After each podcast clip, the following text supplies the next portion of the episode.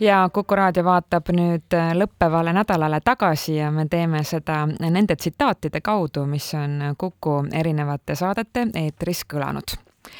riigikogu liige Marko Mihkelson viibis selle nädala alguses Ukrainas. esmaspäeva hommikul andis ta äratajale ülevaate, milline on hetkeseis rindel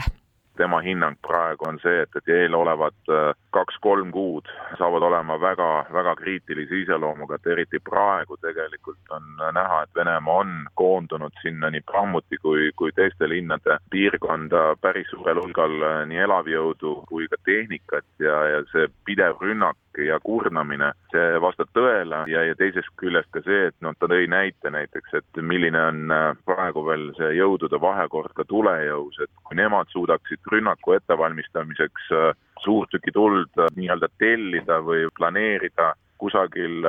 tunni jagu, tund-kaks, siis venelased võivad rahulikult päev otsa kakskümmend neli tundi tampida suurtükitulega ukrainlaste positsioone ja noh, see on iseenesest juba loob väga ebavõrdse olukorra jätkame Ukraina teemadega. Ukraina on pärast Euroopast ja USA-st tankide saamist hakanud rääkima vajadusest F kuusteist hävitajate järele. endine õhuväe ülem Jaak Tarien selgitas Kuku pärastlõunas, mis masinatega on tegemist. F kuusteist on korralik tööhobune, ta on umbes nelikümmend viis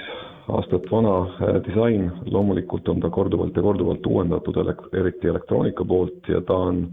praegu äh, lääneriikides ja vabas maailmas äh, üks enim kasutusel olev, kui mitte kõige rohkem kasutusel olev hävituslennuk või siis ütleme, multiroll hävituslennuk äh, üldse. et imerelvaks ma teda ei nimetaks, pigem ütleks, et ta on selline korralik tööhobune, äh, millega, millega Ukrainal, kui ta saaks selle relva kasutamise hästi selgeks või selle relvasüsteemi kasutamise, oleks väga palju teha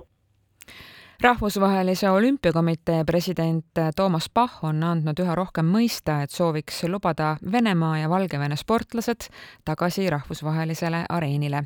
Pahh on selle valguses taas viidanud spordi ja poliitika lahus hoidmisele.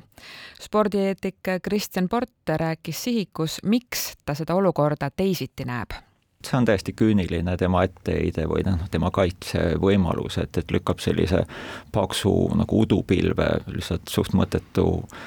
sõnamulina, kus on mingid väärtuseid nagu olemas, selge see, et me tahaksime, et sport ja poliitika oleks eraldi, aga ega me ausalt öeldes ei taha, me tahame ju seal alguses vanduda, et, et kõik maailma rahvad sellel hetkel tulevad rahulikult kokku, ka vaenlased oleksid koos. et seda, seda, seda tunnet on ju kogu aeg olnud, aga aga, aga tegelikkus on tõesti, et, et täiskasvanud inimene peaks ju julgema ka tõtt vaadata tegelikkusega ja selles, see on seetõttu täiesti arusaamatu, et, et miks Bach ajab sellist poliitikat ja ma võib-olla ei tea kõike, ei ole jõudnud kõike ka lugeda, aga Bach ütles, et ta on erinevate osapooltega vestelnud ja jõudnud äh, äratundmisele, et nad kõik pooldavad seda. ma ei ole aru saanud, kes need teised osapooledki on ohutusjuurdluse keskus sai omale uueks juhiks Märt Otsa, kes selgitas sihikus, millega keskus täpsemalt tegeleb. no põhimõtteliselt ohutuskeskus on selline asutus, et loodame, et tal üldse tööd ei ole. Et äh, kui ei ole õnnetusi, siis sellist tõsist tööd ei ole, loomulikult peab olema sellis, sellises valmisoleku faasis ja peab olema ette valmistatud, protsessid peavad olema kõik paigas, et kui midagi juhtub, siis uurida, aga ütleks nii, et kui üldse tööd ei ole, siis peaks küll õnnelik olema, nii et see on selline töökoht, kus mida vähem tööd, seda parem selle nädala alguses alustasid aktiivset tööd valimiste valvurid. üks valvuritest, Meelis Oidsalu, rääkis Äratajas, et on üks erakond, kes pole tänaseni liitunud valimiste hea tavaga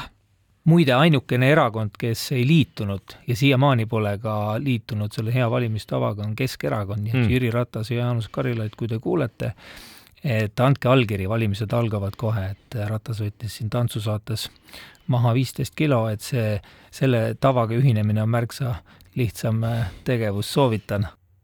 sel nädalal möödus kolm aastat Brexiti jõustumisest. Eesti suursaadik Suurbritannias Viljar Lubi rääkis Kuku pärastlõunas, mida brittide lahkumine Euroopa Liidust on toonud kaasa Eestile. Brexiti mõju Eestile tihtipeale on praktiline. võtame tavalise inimese, kui tavaline inimene, see, kes reisib äh, Suurbritanniasse võrreldes varasemaga, nüüd tuleb alati võtta kaasa pass. Et meil on väga sagedad need juhtumid, kus inimesed lihtsalt jäävad lennukist maha, sellepärast et kui nad jõuavad lennujaamas väravasse, ja tahavad Londoni lennule näiteks minna, siis küsitakse passi ja inimene mõtleb, mis, miks passi on vaja, mul on ID-kaart. et see on muutunud ja praktiline probleem tekib, mida siis saatkond loomulikult aitab nii palju kui võimalik, siis Eesti ettevõtjad endiselt on mingil määral äraootaval seisukohal, sellepärast et Euroopa Liidu ja Suurbritannia vahelised äh, majandussuhted on endiselt veel mingil määral lahti. et see kurikuulus Põhja-Iiri protokoll, kus siis täpselt seatakse, mis need mängurelgid on et seda ei ole veel lõplikult kokku lepitud, nii et väga paljud ettevõtjad on äraootaval seisukohal ja see on kahtlemata kahetsusväärne esmaspäeval tähistati Eesti kirjanduse päeva raamatuklubi pealkirjaga Ridade vahel. asutaja Maarja-Liisa Soe rääkis Kuku pärastlõunale, et teinekord võib loetav lektüür ka erimeelsusi tekitada meie hiljutine kõige viimane raamat oli Carlos Ruiz Zafoni Tuulevari ja see oli üks selline raamat, mis äh, väga, minule isiklikult väga meeldis, aga meil oli klubis liikmeid, kellele see kohe üldse ei meeldinud. Ja see oli selline raamat, mis, äh, mis küttis äh, kirgi, et, et ta oli, oli